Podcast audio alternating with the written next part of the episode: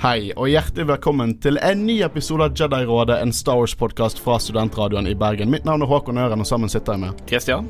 Kan jeg bare vente litt? Fordi hver eneste episode før jul så var det liksom Håkon, Håvard, Kristian. Men nå blir det feil hvis han sier annet. Ok, men godt nyttår til uh, fanbasen. vi er endelig Nei, Nei vi, vi, den likte jeg faktisk. Vi har jo bare bytta plass her, Håvard. Det går helt fint. Vi er tilbake til et nytt uh, semester, 2020, der vi uh, har Vi er langt ifra ferdig med å dekke Star Wars. For det at uh, hvis det er én liten ting som dukket opp i 2019 som beviser at Star Wars er mer enn bare én film eller én tegneserie, en bok, det er live action-serien The Mandalorian. og jeg, det skal vi dekke nå, hele sesong én. jeg gleder meg ekstremt til å dekke det. Jeg kan si såpass mye uten å spoile noe om serien at dette er det beste jeg har fått fra Star Wars sin Empire Strikes Back. Og da mener du selvfølgelig første episode, fordi vi har ikke Nei. sett noe jeg annet. Mener, jeg mener serien i sin helhet er det beste jeg har fått. Men hvor har du klart å se den, da? Uh, ja, hvordan vi har klart å se episode én også. Vi er, vi er ute Disney pluss er ikke i Norge. Vi snakker ikke om det, Håvard. Nei, ok Fordi at vi antar at, uh, at Vi antar at uh, mange av dere har Hvis du hører på denne episoden, så har du sett The Mandalorian. Og jeg vil gjerne unnskylde til de som ikke har sett The Mandalorian. Det, det er fortsatt verdt å høre på Jedi-rådet, jeg lover dere, fordi vi har masse planer i 2020. Vi har tenkt å dekke selvfølgelig Solo, uh, den lille uh, stygge andungen i Star Wars-sagaen, så vi glemmer en del av det. den filmen så alle har glemt. Ja, eh, eller hvis du elsker solo, så er jo det Jeg, er liksom like glad til solo. Men vi skal dekke solo, selvfølgelig. Vi dekket Phantom Menace, skal i hvert fall dekke solo. Eh, vi skal også dekke en rekke tegneserier. Darth Vader-komikeren, Lord of the Sith, er i hvert fall den første Vader-komikeren vi skal dekke. Vi skal også dekke Kylo Ren-tegneserien, som har dukket opp nå. Selv er det ikke så lenge til Clone Wars. Clone Wars sesong 7 skal vi dekke. Vi skal selvfølgelig dekke masse Clone Wars-greier. Vi har tenkt til å ha en rekke gjester og bonuspodkaster, der vi f.eks diskuterer enkelte temaer innenfor Star Wars, enkelte karakterer. Vi har faktisk litt planer sammen med Fortiden Demrer fra Studentradioen i Bergen, som er historieprogrammet, og snakker litt om historiske inspirasjoner til Star Wars. Vi har jo faktisk trakket litt paralleller når vi snakket om prequelsene i forhold til Romerriket, fra republikk til Romerriket. Det er mye Japan og andre verdenskrig. Det er mye å ta tak i der, så det blir et heidundrende salg. Men uten at jeg skal mase altfor mye før. Altså du må hoppe inn i, i, kremen av denne episoden, der vi skal snakke om The Mandalorian chapter 1.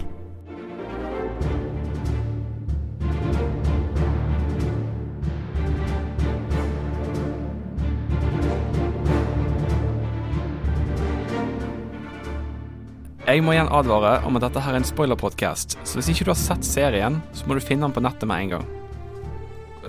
Bruk VPN, ikke en spesifikk VPN, bare bruk VPN. For det er, tekni det er teknisk sett lovlig. I will initiate spoiler mode.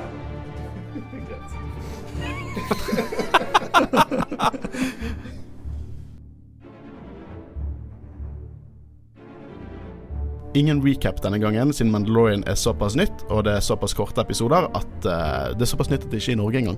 Uh, så uh, vi tenker vi hopper over en recap og egentlig bare går gjennom plottet og nevner merkverdige ting. Merkverdige ting, ja, det er et ord. jeg merker det var til juleferie. Jeg har bare ikke snakket, jeg har bare spist. men la oss snakke litt om, før vi går inn på dette, hva er Mandalorians? For Mandalorians er et konsept fra Star Wars som har eksistert siden Empire Strikes Back. I hvert fall navnet. Eh, Boba Fett er ikke Mandalorian, det er ikke det jeg hinter til, men han går med Mandalorian-rustning. Eh, og Mandalorians er enkelt og greit space-spartanere. Det er det jeg vil kalle de. Og jeg, det som er spesielt med Mandalorians, er at det er grunn Det var min gateway drug inn til Star Wars-universet. Det var Mandalorians. Så du uh, så Boba Fett i The Holiday Special og bare tenkte wow, det var en skikkelig kul Nei, design. Nei, for jeg er født i 93. jeg så Første Star Wars-filmen jeg så Og jeg vet at kanskje jeg er noob, og dere var sikkert ute før meg, men den første Star Wars-filmen jeg så, var Attack of the Clones. Og da så jeg Jango Fett. Og jeg, jeg ble skikkelig oppslukt av designet. Ja, for det var designet som først tok tak i meg der. Og det føler jeg Star Wars det er sånn det, det, er mange unger som først leker med lekene, og så ser de filmene. For det er på en måte designet som er veldig tiltrekkende. da og jeg tenkte 'Å, fy søren, hvem er det?' Og så så jeg Bobafett og bare sånn 'Å, fy søren, hvem er det?' um, Og så spilte jo jeg Nights of the Old Republic 1 og 2, og jeg, jeg eh, fikk vite dette om eh, The Mandalorian, som var en sånn krigerrase, var veldig opptatt av ære, og jeg eh, hadde disse kule rustningene sine og var imot Jedi, og så begynte jeg å lære meg mer om eh, det som er Legends nå, da, med Lauren til Mandalorians, og så gikk det over til å bli en stor Star Wars-fan. Så The Mandalorian er som en våt drøm for meg. Det er noe som jeg på en måte aldri trodde. Jeg trodde aldri det skulle komme en dag der jeg kunne slippe å forklare til sånn casual fans hva en Mandalorian er. For denne serien er så Det er så ekstremt hardcore Star Wars-law, men de klarer å gjøre det sånn at alle kan fordøye det, og jeg digger det. Eh, vi kan egentlig bare snakke litt om hvordan The Mandalorians har vært i canon. Uh, vi skal dekke dette her senere i andre episoder, men i Clone Wars fikk vi se Mandalorians. De, selve Mandalore-systemet der de kommer fra Mandalore, de var pasifister. Og du hadde en sånn egen del av Mandalorians hadde på en måte blitt uh, ville holde fast på den gamle krigertradisjonen. For de har vært i krig med Jedi i Old Republic-æra, eller tidligere. Tidligere enn det vi får vite at uh, det er litt rykter om at noe skal foregå 400 år før filmene. I Project Luminous, om det er film eller ikke. Det kan hende Mandalorians blir dekket der. Hvem vet? Men i hvert fall, de har en stor rivaliserende forhold til Jedi. Tenk Aten og Sparta. Mens Mandalorians er Sparta og Jedi er Aten. Egentlig ganske god parallell. Det med jeg sier ganske kloke ting innimellom. I hvert fall sist gang vi så de, noe for mye inn på det, så var de undertrukket av uh, The Empire. Det var rett før episode fire. Vi så det i Rebels, der Bo Katan uh, ble den nye Mandalore, på en måte lederen. Det var sist vi så det i Cannon. Nå, denne serien er satt ni år etter episode fire. Så Empire er død, er borte. I hvert fall en offisiell organisasjon i form av Empire er vekke. Uh, nye republikken har tatt over, og Luke har startet liksom, å bli skikkelig Jedi, og alt dette foregår. Men dette er The Outer Rim. Dette er etter New Republic har vunnet. Galaksen ser ikke ut som at det er et skikkelig bra sted. Jeg får følelsen av at New Republic har litt mye i fanget, litt mer enn de takler. Og da får vi fram disse gråsonene jeg snakker om. For det at det viser Vet du hva denne serien gjør, Christian? Vet du hva den gjør, Christian? Understreker hvor good guy Empire var. ja ja, du men hadde Du gir deg fortsatt ikke Nei, men ikke når denne serien kommer og virkelig viser det, da. De hadde kontroll. Uh, de liksom hadde økonomisk kontroll. Ja ja, de var litt strenge. og økonomisk stabil kontroll, men Et par planeter ble ødelagt. En maktgal keiser som styrte det meste. men i hvert fall, eh, sånn det er da, er hele, eh, hele situasjonen i galaksen nå ganske realistisk. For det er selvfølgelig noen som foretrakk eh, regimet til Empire. Sånn er det alltid. Det er noen som foretrekker det. Sånn som General Pride, eksempel. Sånn som General Pride. Awesome karakter. Digger han. Eh, men sånn som General Pride. For, enk for eksempel enkelte planeter, spesielt i Outer Rim, de har det ikke nødvendigvis bedre nå enn de hadde det med uh, The Empire. Og uh, det er økonomisk krise. Alt dette her uh, bygger serien på. Det er liksom det som er universet til serien, og jeg synes det er skikkelig kult. Det er grounded. Det er noe annet enn det vi har sett i filmene. Nå fikk vi i fjor slutten på Skywalker-sagaen. Stor, bombastisk, force-heavy, og nå får vi på en måte nesten en hverdagslig bounty hunter i Star Wars-universet, og jeg virkelig digger det. Og det er en era av Star Wars vi ikke har fått sett mye i Cannon. Og så er det bare verdt å nevne at uh, han som spiller Mandalorian, er Pedro Pascal. Yes, Red Viper for Game of Thrones. Yep. Og jeg, jeg syns han gjør en skikkelig god jobb. Uh, nå har det vært kontrovers at han ikke alltid er i, i drakten, spesielt ikke i sesong én. Men jeg kunne ikke sagt 'who cares enough'. Du vet at Det, altså, det er ikke James Earl Jones som er Darth Vader-drakten heller. Sant? Dere er klar over det? Du hører stemmen hans, da. Ja. Og jeg synes han, eh, han gjør uh, spesielt god jobb i denne episoden med tanke på at han faktisk ikke er der i drakten.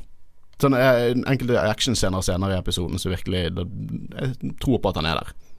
Eh, og episoden jeg, jeg kanskje har ikke at jeg har problemer med det, men bare når, når episoden begynte, så var det litt Det føltes litt fanfilmy, hvis du skjønner hva jeg mener. Det, det var akkurat det jeg òg tenkte. Uh, den aller første dialogen uh, var litt sånn Litt merkelig Trar, rett og slett. Uh, ja. Føltes ikke naturlig. Ja, og jeg, jeg, har noen teorier der som sikkert kommer til å få meg til å bli litt hatet på. Uh, men ok, denne serien er jo uh, Showrunneren er jo John Favreau, og han han, alt han rører, blir jo gull. Han så å si startet MCU. Jungelboken, Løvenes konge, si hva du vil om de, men han er en og Chef elsker Chef, for den bør man se. Og for de som ikke vet det, så hadde han én gjesterolle i Friends. Ja, det hadde han. Han spilte Pete. Ja, stemmer. Ultimate Fighter.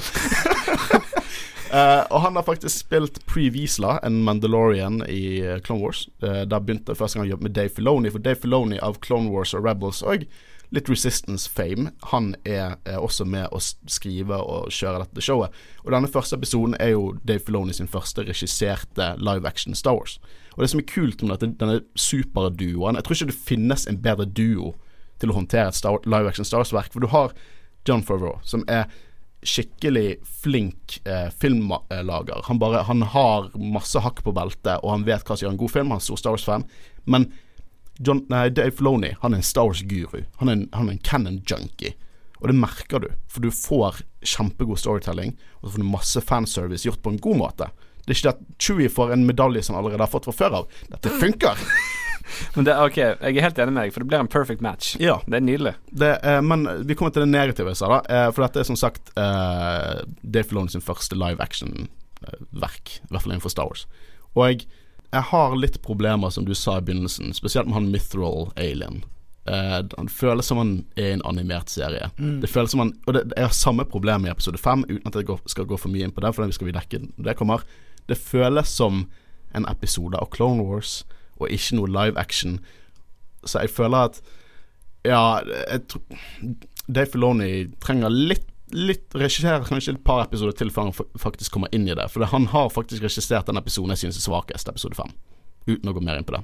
Men la, la oss gå gjennom plottet, hvis ikke dere har noe mer å si på akkurat det.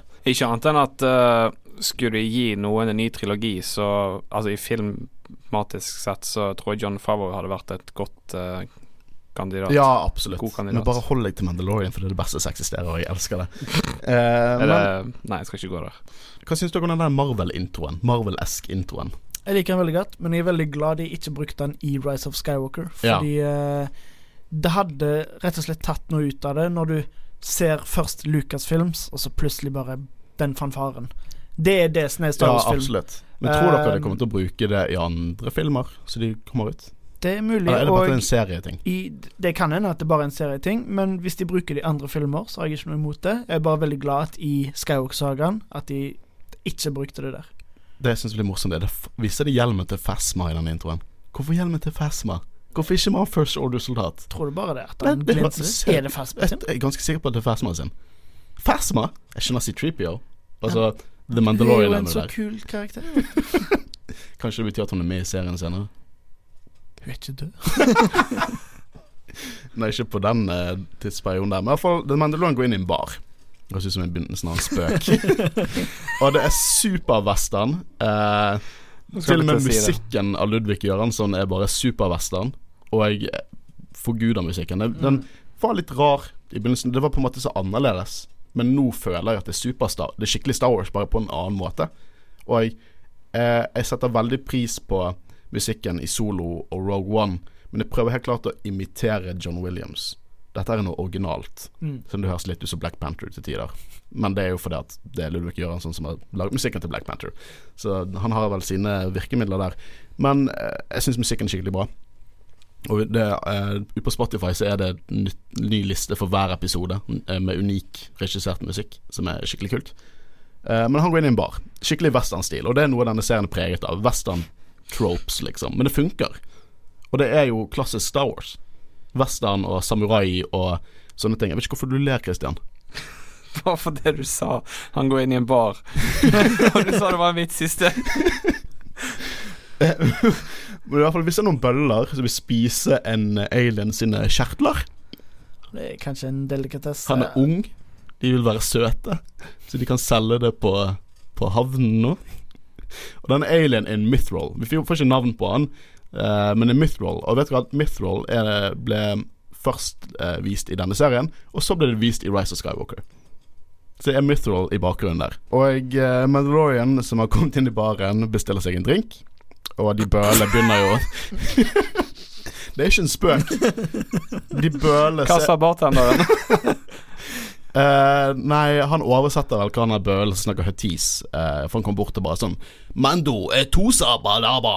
Sant? Det er litt rart, det ser ut som det, men ja, det gir jo mening. Det mange snakker det. Sånn, jeg tror vi hører det språket i hver eneste Star Wars-film. Så at mennesker snakker det, gir mening. Kult. Uh, hvert fall Da får vi introdusert hele konseptet med Beskar, da. For de kommer bort og sier sånn Å, det er ekte Beskar. Og så begynner de å ta en kniv på, på rustningen til Mando. Og vi har snakket om Beskar før. Spesielt når vi tok eh, og snakket om Attack of the Clones. Og det er på en måte stålet. Det er vibranium i Star Wars. Og det er old, old school law. At Beskar-stål, det er det som er på en måte stålet til Mandalorian, som er det beste stålet. Er på en tidspunkt i gamle cannoner som kunne motstå lightsabers. Jeg tror ikke det er sånn nå, eh, for det er litt OP. Men det er fortsatt ganske OP. Det er bokstavelig talt plot armor. Bare at det funker. Men altså, de har jo nevnt det flere ganger. Eh, nå hopper jeg litt frem i tid, men i, bare i denne episoden så nevner de flere ganger at Beskar hører til The Mandalorians. Ja. Så er det bare de som har Beskar, eller er det Det er vel de som vet hvordan man eh, former det. Mm. Men Beskar er, så, er jo så sjeldent eh, nå at det blir brukt som eh, penger, til og med. Og jeg, eh, det, dette her, det er sånn Med en gang jeg hørte det Jeg tror jeg lagde li, liten squeak. For det, det er sånne ord som man på en måte ikke hører i nye canon mye. Vi leste de gamle bøker og sånn, men uh, det er, dette er sånn kjærlighetsbrev til ikke bare folk som er fan av nyere canon, men også er fan av Legends. Den respekterer på en måte begge deler. Det, det er bare helt utrolig. Og det er mer av det. Jeg kommer til å dekke mer av det I bare i denne episoden. For det er mye som skjer i denne episoden. Eh, det er tross alt en pilot som setter opp hele greiene. Men det blir en slåsskamp. ah, Skikkelig kul slåsskamp òg. Så ender med um, The Mandalorian bare banker opp alle. Vi skal bare kalle han The Mando, eller bare Mando. Mando banker opp alle. Uh, og så kutter han uh, en Coran i to med en dør. Dette her er ikke din hverdagslige Star Wars. Det, det, dette her er Nei, det er ikke blod, men du ser liksom Det blir filmet liksom fra døren sitt synspunkt at bare to bein faller ned i kantinaen, og det er liksom Det er en tone som jeg føler vi sist så i Rogue One. Mm. Det føles veldig som Rogue One i tone, syns jeg. Og jeg digger det. det. Det er på en måte Dette er helt klart Det er ikke laget for tolvåringer. Det er elementer der som kanskje er laget for tolvåringer, og tolvåringer kan helt klart se det, men det er helt klart laget for et mer voksen publikum. Jeg synes på en måte at uh, spesielt første episode har kanskje bitte litt toneproblemer, fordi Ja. det er skikkelig kult til tider, sånn som dette her. Og så er det et par sånne småting, dialog og humor, som på en måte minner mer om prequels. Jeg tror det er Dave Filoni. For jeg, jeg liker denne episoden veldig godt. Og jeg liker også den episode fem veldig godt. Mm. Men jeg synes at episode fem er den svakeste i denne sesongen, og det er litt på grunn av det var mer et, et ekstremt toneproblem som jeg merket litt i denne episoden. Og det tror jeg er på grunn av eh, Dave Filoni, dessverre. Ikke, jeg sier ikke at han er dårlig, eller noe sånt, men jeg tror bare det at hans første live action-greier Han er vant til animasjon, og det er på en måte Jeg føler det henger litt igjen. Mm. Men i hvert fall det viser seg Han Mythrol, da, det, han heter bare, det er rasen hans. Han er veldig takknemlig, og han høres ut som en Saturday, Saturday Night Live-sketsj, og det er der skuespillerne har jobbet mye, tror jeg, for det er en cameo, selvfølgelig.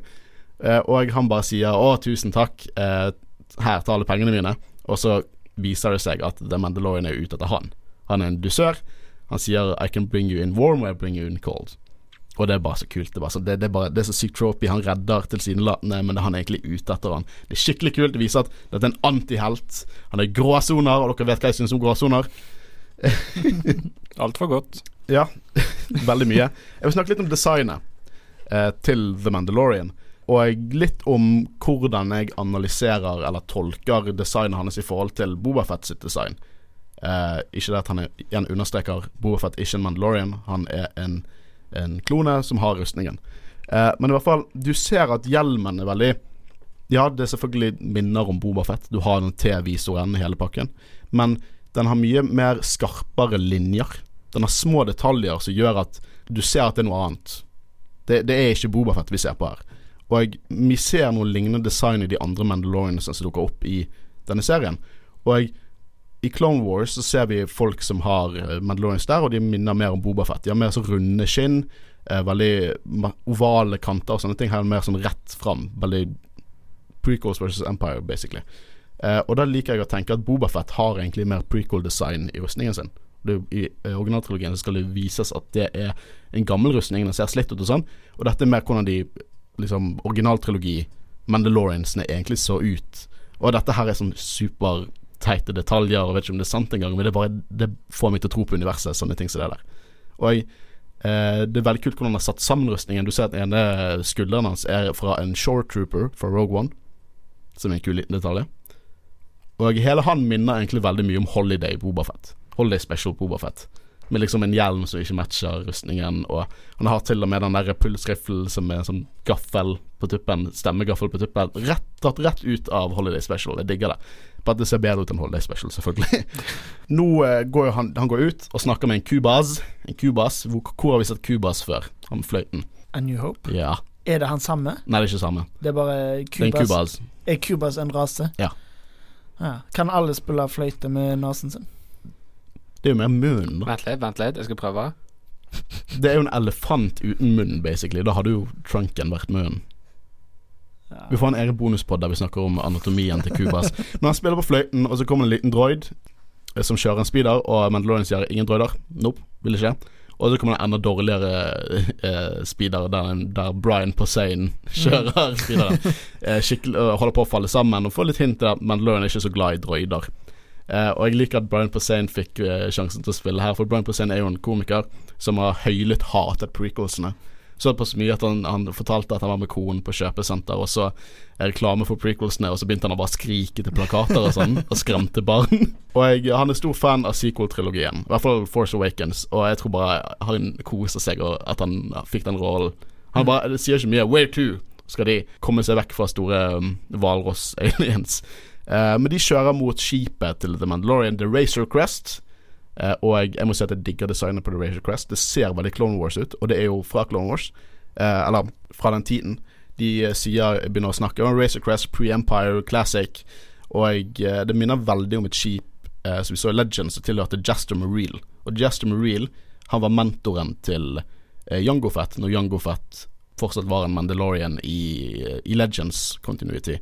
Og jeg Da var liksom Jango Fett på en måte en foundling i det universet. Og eh, han tok skipet til sin mentor, eh, Jaster Mareel, som så veldig likt ut som det. Du har på en måte den, disse to store motorflyrundingene på siden. Eh, og ja, jeg, jeg bare de, de, Du ser at de trekker inspirasjon fra Legends og alt. Virkelig digger det. Hva føler vi om det? Skip som flyr. Å, du tok spøken min fra senere. For nå skal den faktisk fly over, snart. Hva tenker du? Altså, bare fordi jeg sa én ting i en episode for lenge, Ja, for lenge dette, vi må siden bare digge dette, for dette er jo første, eh, andre Star Wars-introen som på en måte der det er ikke noe som flyr, det er bare noen som går. mm. I solo er du heller ikke noen som flyr. Nei, nei, det er helt perfekt. Du digger det? Ja, det er to favorittfilmer. Du, du må jo elske Rise of Skywalker når alle de skipene kommer. Ja, for da, han, gjør han fikk et slag nå, og bare alle flydde. Og nei, nei!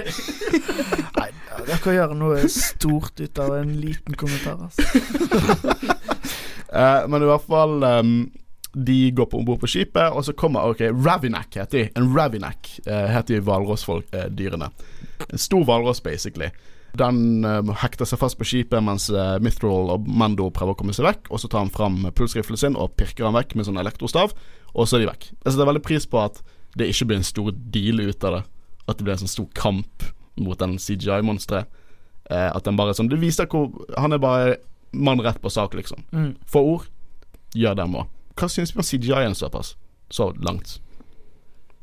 Sånn både òg, egentlig. Altså, for- noe funker bra, og så noe Det er TV-budsjett. Ja. Det merker jeg det er TV-budsjett. Det var akkurat det jeg skulle si, det er TV-budsjett, så for det så syns jeg det er ganske bra. Ja, det syns jeg òg. Men jeg merker at hvis jeg ser det på en PC-skjerm, så ser det bedre ut enn når jeg ser det på en flatskjerm. Mm. Og eh, jeg er så utrolig glad for at en karakter vi garantert kommer til å snakke veldig, veldig, veldig veldig mye om, ikke CGI, Ja. men eh, Litt CGI til tider, men ja, for det men, meste eh, 90 av gangen er han det praktisk. mm. Kommer noen denne serien som jeg ikke vet om? Eh, men i hvert fall, han begynner jo Han Mithril begynner å snakke og bare sånn der eh, Han You must evacuate my thorax. Nei, malting. og dette er første gang i live action vi får se en Star Wars-do. Eller en vekktube, som de kaller det. Vi har sett det i uh, Rebels før, der uh, Wedge Antilles pisser. Eneste jeg ville ha fra denne serien. Noe som går do. Ja, ja, men det, no, den er ikke veldig privat, hun heller. Den er bare er der. Men det får meg virkelig til å tro på universet. At Ja, folk går på do. Ja, det, det er godt at vi vet det nå. Eh, og uh, Mithril han går jo rundt omkring og Jeg vet ikke hva han pønsker på. For han åpner et våpenskap, og så finner han ut Nei, det er ikke så Jeg tror ikke jeg bør kødde med en Mandalorian. De begynner å snakke om Han begynner å si sånn Å, er det sant dere aldri tar vekk hjelmen? Og sånne ting. Og så finner han bare seneste collection av uh, Carbonite-frosne dusører som bare henger der. Mens han sier sånn Å, jeg håper at jeg er fri til Life Day, rett fra Holiday Special. jeg ser bare for meg Carrie Fisher, Mark Hamill, Harrison Ford og Chewbacca står i sånne røde kjoler og synger. De gjorde Life Day canon, det er helt utrolig. Og så sier Demando ja, jeg tror ikke du ble fri til Life Day, og så dytter han inn i en Carbonite makeshift thing han har, og gjør uh, Mithril om til Carbonite. Og her kommer en kritikk, og denne kritikken er jeg så lei av. Jeg er så lei av den kritikken. Fordi at folk har en tanke om at å fryse folk i Carbonite var ikke en ting i universet før Darth Vader gjorde det i episode 5. Men det er ikke det han sier i episode 5. De er redd for at han kanskje ikke skal overleve. Hvorfor er de redd for at han kanskje ikke skal overleve? Fordi at Vader sier dette her er en shaky eh, utstyr. Og det er mest sannsynligvis ikke brukt til å fryse ned organiske materialer. Men vi får jo se i Clone Wars at de fryser ned folk for å gå undercover. For det at hvis folk som er frøst ned, vil ikke bli lest opp som livsformer hvis du er på et skip. Jeg har aldri tenkt over at det aldri har blitt gjort før i uh, Nei, men det, det, er bare, det er bare det fordi at de er redd for at Han Solo skal dø. Ja, jeg òg eh, tolker det på den måten. Ja, de, de er redd for at han skal dø, og derfor tror de at det aldri er blitt gjort før. At det er noe eksperimentalt. Men det er ikke det som det er. Det ble gjort i Clone Wars. Da tok Rex, Obi-Wan og Anakin og alle de De tok eh, og freste ned i Carmenite for å infiltrere en separatistfengsel. så det er en ting. Og det gir veldig mening at han har det på skipet sitt. Det er jo så plasseffektivt. Kan henge de opp der ved siden av hverandre. Det er som en kortsamling, liksom. Det er kjempenice. Nå eh, lander jo han på Navarro. Vi får ikke vite at det er det planeten heter i denne episoden, men det er Navarro. Vi får vel vite det i episode fem at planeten heter Navarro.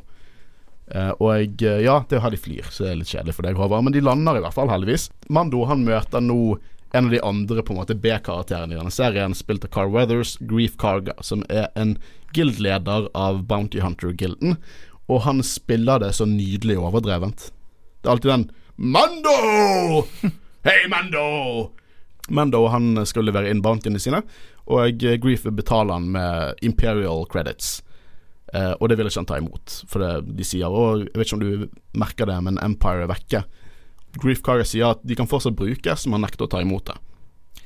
Hvordan fungerer egentlig credits i Star Wars-systemet? Er det en fysisk valuta? Vi så jo det der. Ja, det er en fysisk liksom, valuta. Ok. Eh, men mange det er forskjellig, for nå får vi se Calamari Flan. Så de har ikke en universal, altså? Det, det, vi fikk jo se det i, i Phantom Menace også, at eh, de ville gi Republic Sustage Nei, et eller annet Republic-greier, og eh, det ville ikke Watto ta imot. Eh, så det er forskjellig, det er som en ekte verden. Det er liksom Vi har kroner, de har euro, dollar, yen. Hvor mange dollar er en Republic eh, Vi, vi får i hvert fall vite litt om eh, økonomien nå, for han vil ha en ny jobb. Og han får ikke lov til å ta alle, for det er en guild, og han må dele ut eh, Grief Karga må jo dele ut bounties til hele gilden, så han får én. Og den meste er på 5000 credits. Og vet du hva han sier da, Christian? Han sier å, det vil ikke dekke drivstoff på denne tiden. Som om han trenger drivstoff til skipet sitt. Vet du hva? Jeg tenkte før vi skulle spille denne episoden, jeg, tenkte på det i går, at det der kommer Håkon garantert til å ta på meg. Ja, for jeg glemte jo det at han hater at ting flyr. uh, og det sier litt om universet, da. Økonomien er helt ræva, og jeg uh, har ikke råd til drivstoff. Vi skal snakke litt om Bounty Hunter Guild, da. Uh, for det ble, har blitt vist litt i Cannon, spesielt i en Bobafett-tegneserie. Så hele dealet er at det har ganske mange regler. Du tar ikke og poacher en annen guild-member sin bounty. Du dreper ikke en annen guild-member. Spesielt ikke når dere er på samme bounty, eh, hvis det er i forhold til å få en bounty. Det er mange regler der som opprettholdes, og det må være ganske Det er ganske st- strengt. Bobafett er en del av The Guild, for eksempel, og han følger den svart og hvitt. Det er liksom ingen Det er ikke noen gåsoner der. Så derfor jeg tror at den, den tegneserien kom ut rett før Mandalorian ble sluppet. Så jeg Jeg vet ikke om det kommer til å skje. Kanskje sesong to. Hvem vet? Hvis Boafett eh, kommer med i serien, så kan han være en interessant motspiller til The Mandalorian. i forhold til hvordan han ser på guild-reglene. Og at han er ikke en Mandalorian, han har bare Mandalorian-rustning. Det er kule paralleller til at uh, The Mandalorian er jo bare en foundling. Liksom Var foundling et begrep vi visste om før denne serien? uh, Nei. Eller det, det har vært et begrep det har vært et, eh, Konseptet har vært der, men navnet har ikke vært der. Ah, okay. Konseptet var i canon. Det var Mandalorian som tok opp eh, foreldreløse og tok de med i Mandalorians. Det er det Jango Fett gjorde med Jessam Reel i Legends. Eh, og uh, vi får vite, han får vite da, Mandoff av Grief, at de har en uh, Imperial um, Eller ikke Imperial, han får vite at det er noen som vil gi han en jobb face to face. Han får ikke en bounty puck, altså de der som viser hologrammet at noen er wanted. Og han må møte de face to face og uh, få commissionen sin der. Så greit nok. Det, det skal være så mye penger. Så han går gjennom gaten. Vi får se en lizard monkey som blir grillet mens kompisen hans ser på, som jeg syns er veldig gøy. da Den uh, apen som uh, Lizard-apene som uh, Jabba tar vare på. Og de er relativt Jeg synes de er relativt intelligente. Jeg tolker de som de er intelligent. Sånn, den lo. Da Jabba som gjorde narr av han solo, så lo den. En hund ler ikke, liksom. Eller det er en dyr. Du skjønner hva jeg mener. Den menneskelig. Sånn, den ler. Den angrep C3PO for C3PO og the good guys. Så de griller. Liksom griller en Ewok, syns jeg. Ewok smaker sikkert godt, det òg, tror du ikke? Jeg tror Porg smaker bedre. Ja. Jeg tror Ewoks er veldig chewy. Det er ikke på den måten. Jeg tror det er veldig jeg tror det er mye, Oi! Nei, jeg tror det, jeg tror det er veldig jeg, jeg tror det er litt som å spise bjørn. Det er masse fett. Veldig mye brusk og Ja, ja, ja, det er godt Det tror jeg. Jeg tror at porg smaker kylling. Men de der uh, apegreiene som stekte, det er ikke mye kjøtt på deg Det er sikkert som du spiser rotte, liksom. Jeg kunne tenkt meg å ha smakt uh, The Hut. Det var en snegle. Har du spist en snegle før? Nei, det er ikke. Det er jo en delikatesse. De i er jo Frankrike. de er, Ja, nei, jeg, jeg, jeg, jeg spiste under jeg var i Frankrike. Frankrike. hvis jeg hadde Det er jo sånn start opp en fransk restaurant som bare heter liksom Jabba the Hutt. Så alt er Star Wars-snegler. Men i hvert fall, eh, han går gjennom byen, så går han utenfor en dør, banker på, og så kommer det ut en sånn droid. Den droiden som skal sjekke om han fikk en sånn eh, chit. Hva det jeg kalte det? Liten chit. Sånn L- Litt shit. liten shit. som skulle vise til denne dørdroiden. Den dørdroiden så vi også i, i utenfor Jabbas Palace. Uh, og jeg uh, Moshibakapunku, Katuta. Ja, den, den kommer jeg til å redigere ut til at jeg sa det der. Nei. Nei! Død! Uh, men la meg gå inn her, helt klart uh, litt sånn uneasy på dette her. Du hører dramatisk musikk, du ser en gonk-droid som gonker av vei. Åpner døren, ser du fire slitne stormtroopers, og Werner Herzog spiller klienten. For, har ikke fått navn, han bare spiller klienten. Hvor western er ikke det? Sitter der i midten og uh, spiller seg sjøl. Jeg syns det er litt spesielt å se en regissør av karakteren Warner Herz Herzog i dette her. Nei, men Det er veldig Det er så spesielt. gøy, for han tar sånne teite roller, sånn som han spilte i Parks and Recreation. I want to move closer to Disneyland. Det er liksom sånn Det, det er så jævlig bra. Og nå spiller han en tidligere Imperial dude som snakker sånn pretensiøst og eh, grandiøse ord, og har på seg sånn Han har ikke på seg en vanlig uniform, det er nesten som en sånn fancy Star Wars-dress med stor gullsmykke med, med Imperial-ikonet. Og så sitter han her i dette slitne varehuset omringt av slitne Stormtroopers. Og helt klart, se for meg en person som på en måte hadde mye under imperiet, og nå har de tapt det. Og dette er liksom keiserlige restene, da. For det er det som er kult, og det er det som på en måte ikke vi får se ofte i hovedsagaen, er at ok, denne siden vinner, men det betyr jo ikke at alle dør. Det er ikke sånn at Sauron er drept og alle orkene er bare døde. Eh, og jeg vil gjette at det gjelder First Order etter episode 9 også. Det er keiserlige rester. Og de går i ulike sånn fraksjoner, blir krigsherrer, og på en måte Nesten som Nesten som dette her med nynazister som kommer tilbake Eller nazister som kommer tilbake fra Argentina og fortsetter, liksom.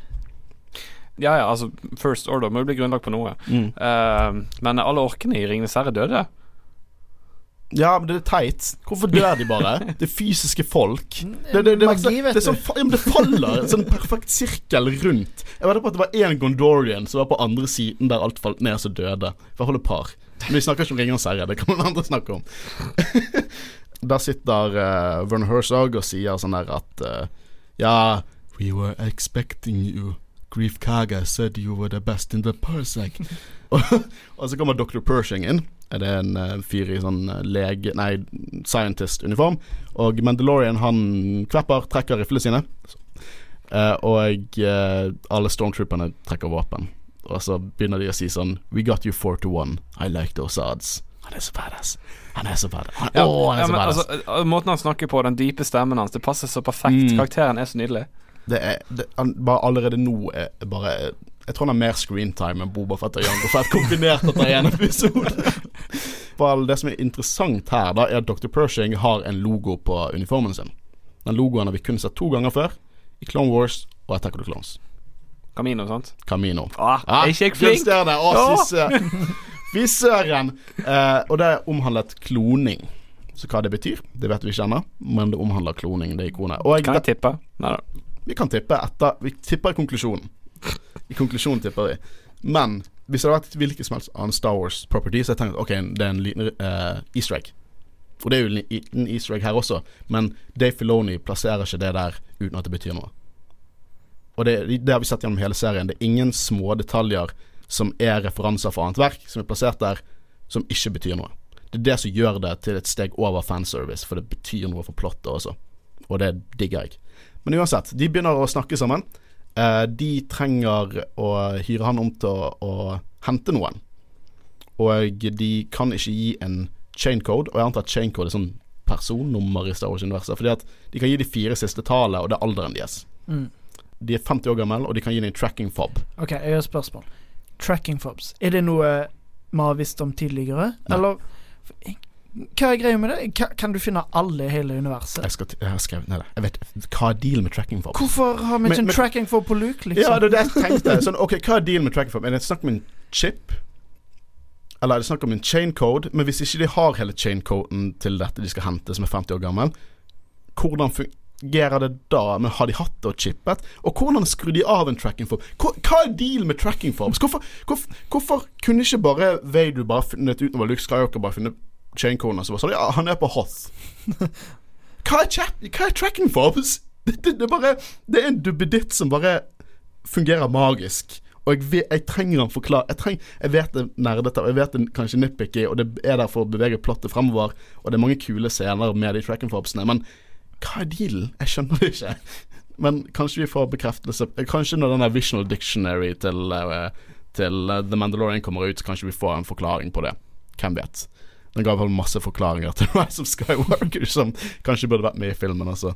Eh, vi får nå se at det er litt konflikt innad eh, Jeg bare kaller de imperiet. Dette er ikke First Order, det er bare en del av Imperial Remnant. Så det er mange forskjellige Imperial Remnants. Vi kaller det bare Imperiet for noe for enklere å si. Pershing vil ha den tingen levende, men Werner Herzog, eller The Client, han, han He's just being pragmatic, og sier at eh, du kan levere han død også. Men det var ikke det de var enige om. Så hva er dealen? Du er levende. Litt konflikt der. Men uh, Mandalorian tar jobben, da. Uh, og før han tar jobben, så har han også fått en nedbetaling på det han får. Og det er en eh, bit av Beskar-stål. Og de forteller at du kommer til å få mye mer av dette stålet når du har utført jobben. Og du får mye sånn derre 'Å, det er en synd hva som har skjedd'. Hinter til at det har vært et eller annet som har skjedd. Hvorfor The Mandalorians er sånn som de er nå. Hvorfor de på en måte gjemmer seg og på en måte ikke er på en måte en De, de ledet jo store deler av galaksen på et tidspunkt. De var på en måte en De var en, en verdig konkurrent til republikken. Og det har jo vært kriger mellom Jedi og eh, Mandalorians, så det er et lavpunkt i Mandalorian-historie. Enda mer Nei, det var mest lavpunkt var i Clone Wars når de var pasifister. Det hatet jeg. Jeg hatet det intenst. Og så var det bad guys som ville at det skulle bli Mandalorians igjen, så jeg heide på bad guys. Men det er ikke noe nytt for meg. Jeg heier alltid på bad guys. Kanskje ikke her. Kanskje ikke her. Og for de som ikke er i studio nå, eh, så så vi på hverandre litt rart. fall uh, Mandalorian går. Han går ned til en så, eh, såkalt Mandalorian covert. Som er på en måte nede i, i tunneler, og du ser masse Mandalorians, du ser foundlings som løper rundt omkring. Nei, en av de Mandaloriansene er ikke Boba Fett, det er en Mandalorian. Slutt å lete etter Boba Fett. Hvis Boba Fett er med i denne serien, så er ikke det i to sekunder i bakgrunnen. Det, det er ikke sånn det fungerer i film generelt. Men i hvert fall eh, Han går innover der, og vi får se en sånn type smed eh, der de smir rustninger, da. Og du har eh, rustningssmeden som en dame med en skikkelig kul Nesten litt sånn Celtic vibes, fantasy, medieval uh, For hun har, sånn, hun har sånn pels på seg og en bronsehjelm som har mer sånn gresk korintshjelmstil på seg. Og den type stil har vi sett i Rebels og Clone Wars. Veldig populært av Men Lawrence har brukt den. Spilt av Emily Swallow. Å ja. Hvem er det? Jeg vet ikke, jeg bare fant noe bedre. Veldig bra. I hvert fall, eh, De begynner å snakke, og det virker som hele dette med rustningen er veldig religiøst og kulturelt for dem. Og det digger jeg. At de ikke bare sånn lager en rustning. At det på en måte de setter seg ned, veldig sånn japansk eh, æresverde ære rustningen. Eh, og de begynner å snakke litt, og jeg, hun tar den eh, Hun tar penger, og så tar hun eh, Beskar Ståle og sier at denne her ble tatt under The Purge. Og det er Dette er ikke Jedi Purge, dette er noe annet. Og det er en imperial logo bare smidd inn i metallet. Som på en måte hinter litt til hva som kanskje har skjedd med The Mandalorian, så vi får vite gradvis mer og mer i løpet av serien. Og jeg, hun spør om han har fått sitt signet ennå, og det sier han nei, det har ikke blitt sluppet. Ja, ta det med ro, det kommer du til å få. Og en signet er noe som representerer huset til en Mandalorian. For eksempel med Bobafett, ikke at han er Mandalorian, men du ser at han har eh, en sånn hodeskalle på skulderen. Det er på en måte signeten til den personen som helt sikkert eide den rustningen før Bobafett gjorde det. Men, men Var det en rustning han fant, eller var det en rustning han Det vet jeg ikke. Det, det, jeg har lyst å vite mer om det, men denne serien har gjort Denne serien har fokusert så mye på religiøse aspektene og kulturelle aspektene med Mandalorians at jeg begynner å mislike Bobafett litt. Han, Hvor bare, våger han å gå med Mandalorian-rustning? han er jo bare en poser. Ja, Fuck han! Han er wannabe-faren sin.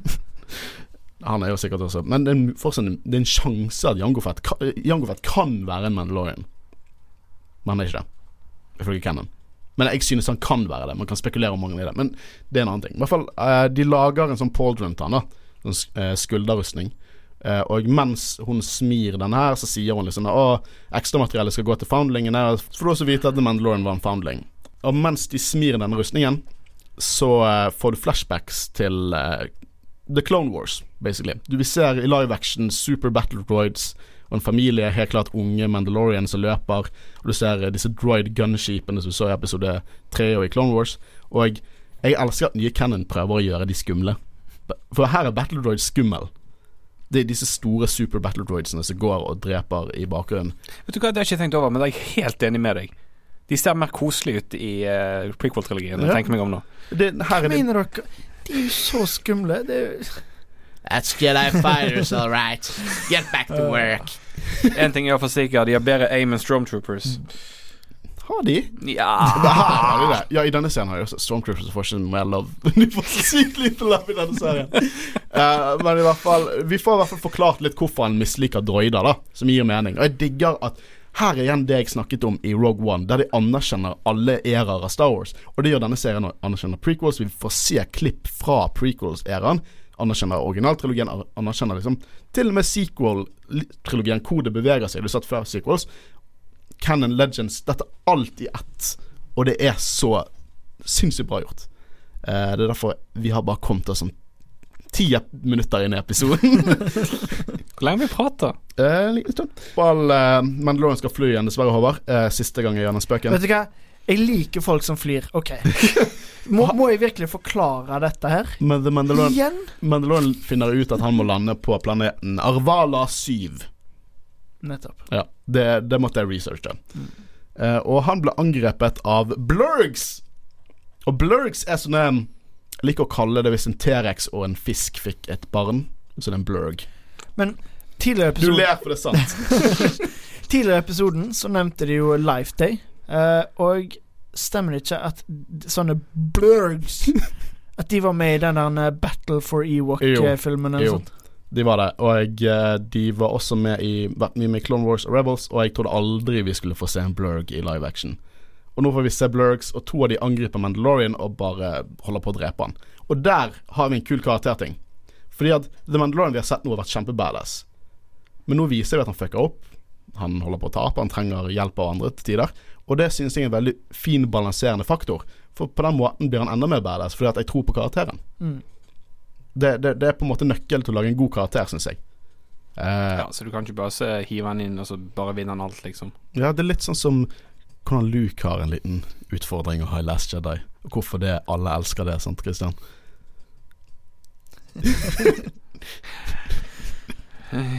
ja, i hvert fall Han ble reddet av en ugnåt kalt Creel som rir på en egen blurg. Han skyter bedøvelsespiler inn i blurgene, og så sier han bare 'Jeg skal hjelpe deg'. Så tenkte jeg det var litt rart. Men vi får forklaring hvorfor han vil hjelpe da. For han tar han med tilbake til hytten sin og eh, lager litt te til han. Og begynner å snakke om at det har vært flere før han som har, eh, som har på en måte prøvd å gjøre denne jobben han har gjort, men de har alle dødd. Eh, og han bestemmer seg for å hjelpe The Mandalorian, men at de må ri på blurgs. Og det denne serien gjør, da at han kommer med denne tradisjonen som Star Wars har, denne plothold-tradisjonen. Hvorfor ikke bare fly dit? Fordi trenger blurgs. Poenget er at eh, denne serien Kanskje noe er eh, også veldig bra med denne serien, er at de fleste liker denne serien. Mm. På et tidspunkt var den mest populære serien i, i hele verden. Det kom bare ut i USA og Nederland og Australia. Og når man ikke har en kontroversiell film, så klager ikke folk på sånne ting som dette her. Det beviser det, syns jeg. Men i hvert fall, eh, han skal lære seg å ri på denne blurgen, og så får han en sånn montasje at han prøver å ri på blurgen. Så får vi vite litt blurg-law. At eh, eh, disse her er female fordi at de spiser eh, de mannlige blurgsene under paring. Så nå vet vi dette. Så nå kan ha, vi ha en blurg-bonuspod der vi snakker om blurg-law. What the fuck? Og så, Hva tror dere blurg smaker? Jeg tror det er en miks av fisk og kylling. Hvorfor ble dette tema gjennom hele episoden? da? Hva tror du IG11 smaker sånn? Batterier. Du er sikkert ikke god tygger på, i hvert fall. Nei, men i hvert fall eh, Han, han klarer Han klarer, fucker opp og sier 'Jeg 'Har ikke noen speeder?' eller noe sånt, og så sier Queel OK, dine forfedre red på Mythosaurs. Du bør klare å ri på dette her. Og Mythosaurs er old school Legends canon, og jeg digger det. Det store dragedinosaurting som Mandalorians eh, red på og utryddet liksom i antikken. Og eh, Mythosaur har vi sett eh, skala av helt tilbake til i 1980, for det er den skalen som er på siden av skulderen til Bobafett. Det er en Mythosaur. Vi så også tidligere i episoden at det var en Beskar-stål Mythosaur-skalle over smeden til eh, Mandalorians. Og det, det er kult. Det er gammel, gammel canon. Hvis du søker Mythosaur på Wikipedia og trykker på Legends, så går det tilbake mange, mange mange år. Det, det, det sånne ting som gjør at det var mwah, det, å, mm, det er så bra. I hvert fall, han sier sånn derre Å ja, er ikke du Mandalorian, du? Og så da begynner han å mobbe han litt og sånn Er dette identiteten din? For jeg føler denne serien handler om identitet. Er, er identiteten rustningen? Er det det som er han? Eller er det noe mer under det? Jeg føler denne serien eh, bygger veldig på det der. På mange måter litt sånn som noe deler av sequel-trilogien gjør. Så hvor kommer du fra? Er det viktig hvor du kommer fra? For det, jeg tror det viktigste for The Mandalorian nå er identiteten hans som en Mandalorian. Han er en foundling, så kanskje han ikke ble anerkjent som en skikkelig Mandalorian. Og han skal liksom bygge opp den rustningen sin. Eh, når hans tilsynelatende forfedre gjorde dette, så må han klare det. Så det motiverer han til å klare det. Så får vi en sånn Rocky-montasje, at de rir over ørkenen. Det høres ut som Rocky-musikk. Jeg vet ikke om dette her gir mening i det hele tatt, men uh, Foundling tror du det er tatt litt ut ifra Younglings fra Padawans? Det kan godt hende. Det er ordet, ja. Det er morsomt, for det, det kan tolkes på mange måter. Jeg husker jeg hørte en podkast tidligere den episoden kom ut. Eh, det var New Cannon Book Club, og de snakket om at de, alle tre hadde forskjellig definisjon, så alle kunne være riktig. Så Foundlings var sånn OK, de skal founde fremtiden. Foundlings, de er funnet. Og eh, så var det Foundlings som sånn ikke, De skulle lage nye hus. Det var, det var mye forskjellig der. Men jeg, jeg ser på det som foreldreløse, rett og slett. Så enkelt som mulig. Eh, og de rir mot eh, stedet der dusøren eh, befinner seg. Og vi får se ned at det er fullt av niktoer der. Niktoer som vi så i Return of the Jedi. Fra Klata Baratu Niktu. Sorry, jeg kan ikke dy meg sjøl, men eh, Stormtroopers uh, fra uh, seinere tid, First Order, de ble jo tatt som babyer, sant? Ja. Stormlings. Og det er en fucked up ting som jeg kommer til å ta opp i eh, Rise of Skywalker, som viser at good guys og bad guys der. Jeg fant det endelig. Men Sorry, jeg måtte bare det, det tar vi da. Eh, men i hvert fall da snakker liksom eh, Creel litt hvorfor han hjalp han. At det har vært så mye strid og konflikt i denne fredfulle dalens. Og han er lei av det sånn siden han aldri møtte Mandalorian før. Han har bare lest historiene. Og hvis denne Mandalorian er noenlunde som de historiene han har lest, så bør han gjøre raskt arbeid ut av dette her. Eh, så han, Mandalorian tilbyr til og med å gi ham penger, men nei, han har snakket. He has spoken. Uh, han nekter å ta det imot. Og det er sånn Jeg elsker det. Uh, nå går jeg tilbake Nå skal jeg snakke om ett quote fra Rogue One. Uh, I'm one with the force and the force is with me. De der quotesene, f.eks. fra han òg, når han sier liksom I have spoken. Mhm. Jeg digger det, spesielt når de tar det utover uh, flere ganger i episoden og i serien. Det bare printer T-skjorter. Yes, sånn. ja, det printer T-skjorter. Det gjør det. Eh, men i hvert fall de, eh, han eh, ser over basen, og det er Niktor der. og så plutselig ser han en dusørdroide, IG-11, spilt av Taika Watiti. Og Ja, er det? Ja, ja, ja. Nei, kult. det visste jeg ikke. Designet så å si IG88. Og i IG88 så vi Empire Strikes Back. Og det er visst canon at IG11 er veldig sånn Ikke tror jeg er IG88. Jeg er ikke IG88, jeg er IG11. Og jeg, eh, han blir irritert hvis folk tror han er IG88. Dette er en bedre versjon.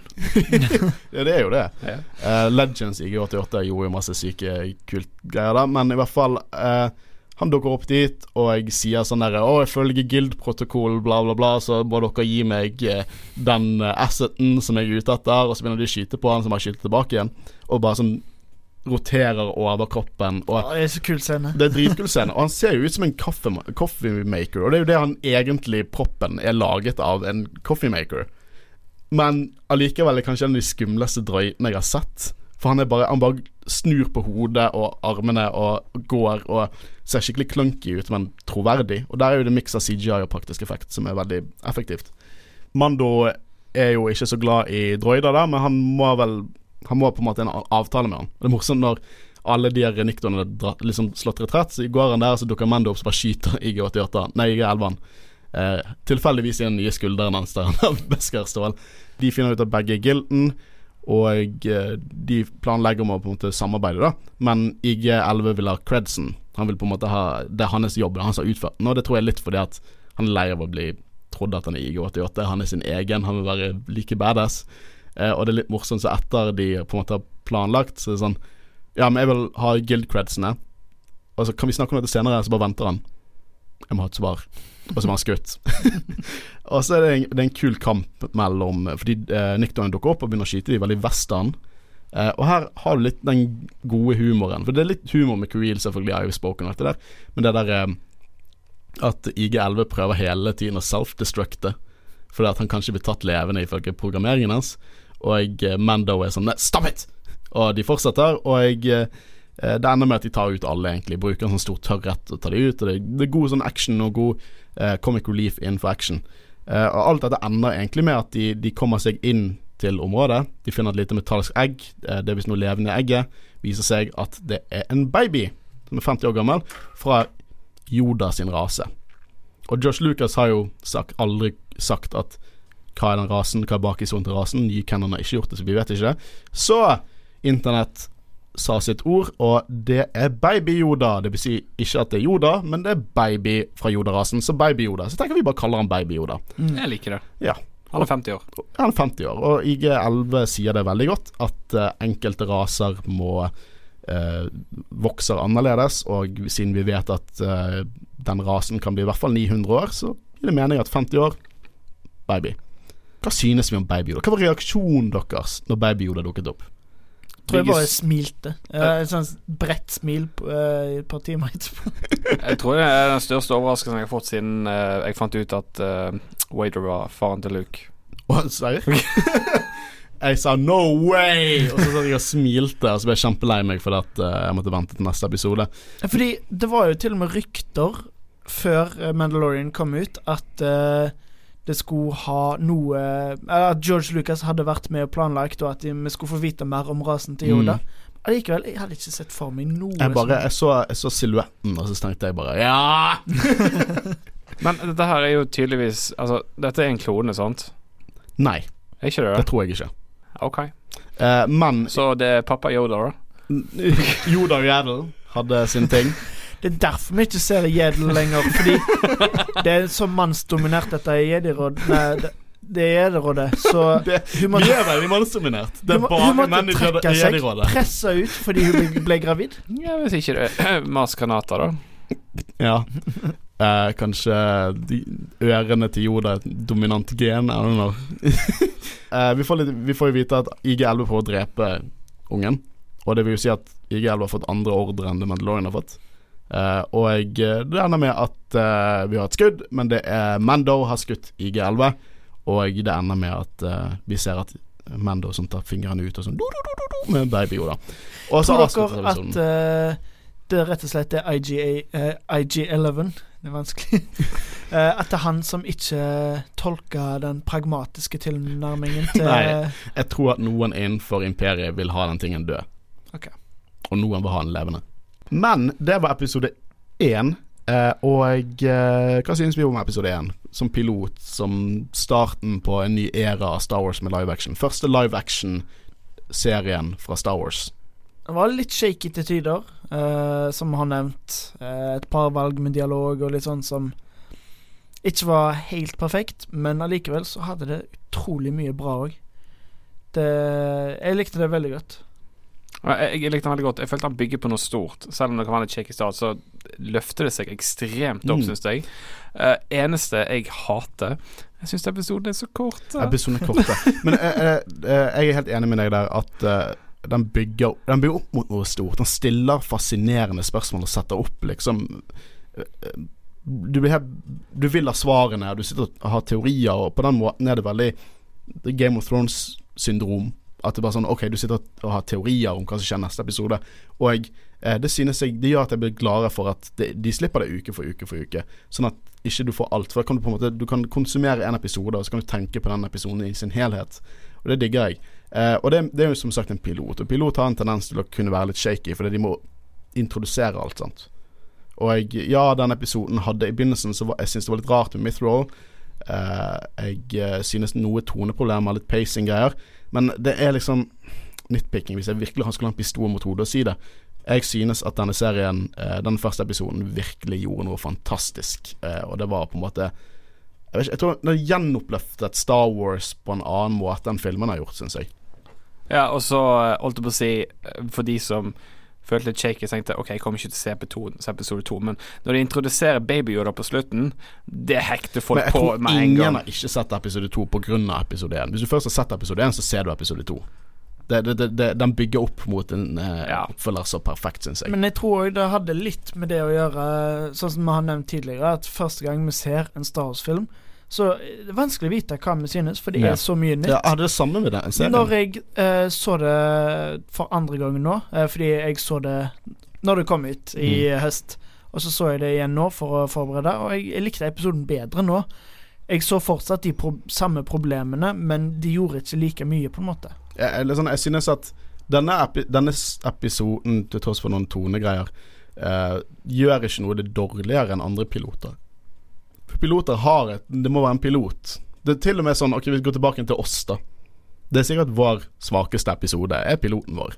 For du må finne Du må sette Du må på en måte definere noe. Ikke dette sier at vi er som The Mandalorian, men du må på en måte definere et konsept da, sette det opp, og det krever Da ofrer du litt den på en måte oppbyggingen som en episode har. Det er grunnen til at den, vi snakker såpass lenge om en episode som varer en halvtime nå. Eh, jeg tror ikke neste episode vi snakker om, om eh, eh, Chapter 2 Child, kommer til å være like lang episode som den her. Det er fordi at da på en måte har han tid til å ha de rolige øyeblikkene og på en måte begynne med character development og litt sånn som dette. For dette setter bare Dette setter alle brikkene på bordet. Nå er det på tide å begynne å spille de ut og leke med de, og det, det syns jeg de gjør veldig bra.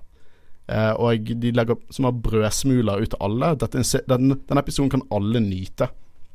Men hvis du er en hardcore Star Wars-fan, så er det som nydelig payoff til alt det vi har sett og lest og hørt. Det, det bare De virkelig respekterer fanbasen med denne her.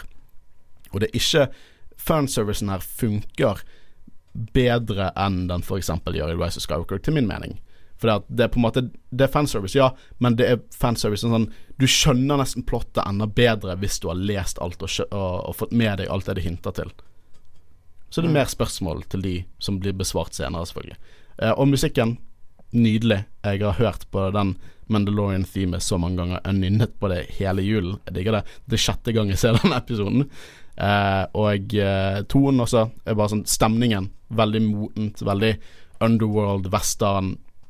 Jeg har bare positive ting å si om dette. her Men det var Mandalorian chapter 1. Vi har selvfølgelig syv episoder til da vi skal dekke de syv siste episodene til eh, sesong 1. Og så kommer sesong to ut i høst i år allerede. Så det er mye å se fram til. Vi har vært Jedi-rådet. Navnet er Håkon Øren, som jeg har sittet med. Christian? Og Håvard. Og vi snakkes neste uke. Ha det bra.